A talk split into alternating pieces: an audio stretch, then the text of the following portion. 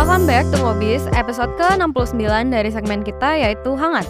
Bersama dengan ambience hangat dan topik-topik hangat yang akan dibicarakan. Balik lagi nih kita akan membahas semua berita-berita hangat di Indonesia dan mancanegara yang terjadi pekan lalu. Hai semua, balik lagi dengan gue Yulisa yang akan ngebawain hangat untuk kalian semua yang lagi mau mulai minggunya dalam beraktivitas. Bakal guna banget nih buat kalian yang ketinggalan berita, nyari ide konten, atau buat bahan ngobrol kalau ketemu orang nanti. Dengerin aja berita hangat dari teman startup untuk bisa up to date dengan berita kekinian yang ada. Hai founders, nggak kerasa ya, kita udah di minggu pertama bulan Februari. Semangat ya untuk kalian yang beraktivitas, jangan lupa makan sehat dan vitamin juga. Oke langsung masuk aja ke berita pertama. Berita pertama kita datang dari e-commerce besar asal China, JD.com, atau cabangnya di Indonesia yang lebih sering dipanggil JDID. Baru aja diumumkan bahwa JDID rencananya akan ditutup. Sekarang, JDID sedang melakukan obral besar-besaran sebelum tutup permanen di tanggal 31 Maret 2023 akibat persaingan yang ketat dan perubahan proyeksi bisnis perusahaan.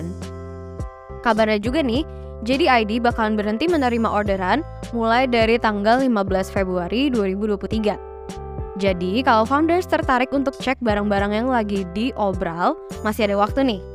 Duh, sangat disayangkan banget ya cabang JD di Indonesia nggak bisa bertahan lama.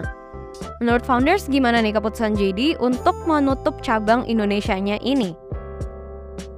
Yuk langsung ke berita kedua kita yang datang dari anak perusahaan Pertamina yang bergerak di bidang panas bumi yaitu Pertamina Geothermal Energy.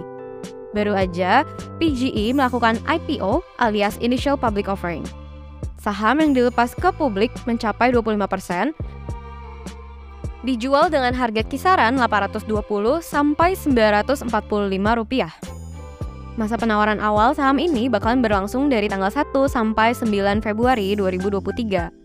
Kabarnya dana yang ditargetkan oleh Pertamina Geothermal Energy melalui IPO ini akan mencapai 9,78 triliun rupiah loh. Wah, selamat ya untuk Pertamina Geothermal Energy atas IPO-nya. Semoga target dana kalian bisa tercapai ya. Gimana founders, pada tertarik gak untuk beli saham Pertamina Geothermal Energy? Oke, lanjut ke berita selanjutnya. Berita ketiga kita masih nggak jauh-jauh nih dari PHK massal. Kali ini berita kita berasal dari sebuah platform transfer uang online internasional yaitu PayPal. Menurut memo yang sudah diunggah di situs resmi PayPal, PayPal berencana untuk melakukan PHK massal terhadap 2.000 karyawannya mulai minggu depan. PHK massal ini kabarnya dilakukan untuk mengantisipasi musim resesi mendatang nih. CEO PayPal, Skuman, juga memastikan bahwa karyawan-karyawan PayPal yang terkena dampak bakalan mendapatkan bayaran hak mereka dan juga diberikan fasilitas dukungan dan konsultasi.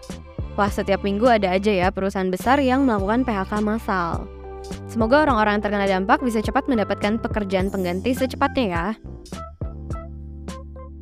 Yuk kita ke berita terakhir kita. Berita keempat kita lagi-lagi datang dari Rans Entertainment nih. Setelah minggu lalu dikabarkan berencana untuk melakukan IPO, sekarang Rans Entertainment dikabarkan akan mengembangkan bisnis mereka ke ranah F&B alias bisnis kuliner. Tapi ternyata Rans Entertainment gak akan sendirian untuk terjun ke bisnis kuliner ini loh. Rans Entertainment telah memilih empat mitra yang sudah duluan berkecimpung di dunia kuliner untuk menjadi partner mereka. Empat partner bisnis F&B Rans Entertainment adalah Ichi Group, The Hive Kitchen, Karageke, dan Gunawarman Group. Wah, selamat ya Rans Entertainment atas perkembangan bisnis kalian ke ranah F&B. Oke, kita sudah sampai di penghujung recap berita hangat dari minggu lalu. Kalau founders punya berita-berita hangat lainnya, boleh nih DM kita di Instagram @teman_startup untuk diangkat dalam berita hangat minggu depan. Stay tuned for next week's berita hangat. See you soon and stay safe.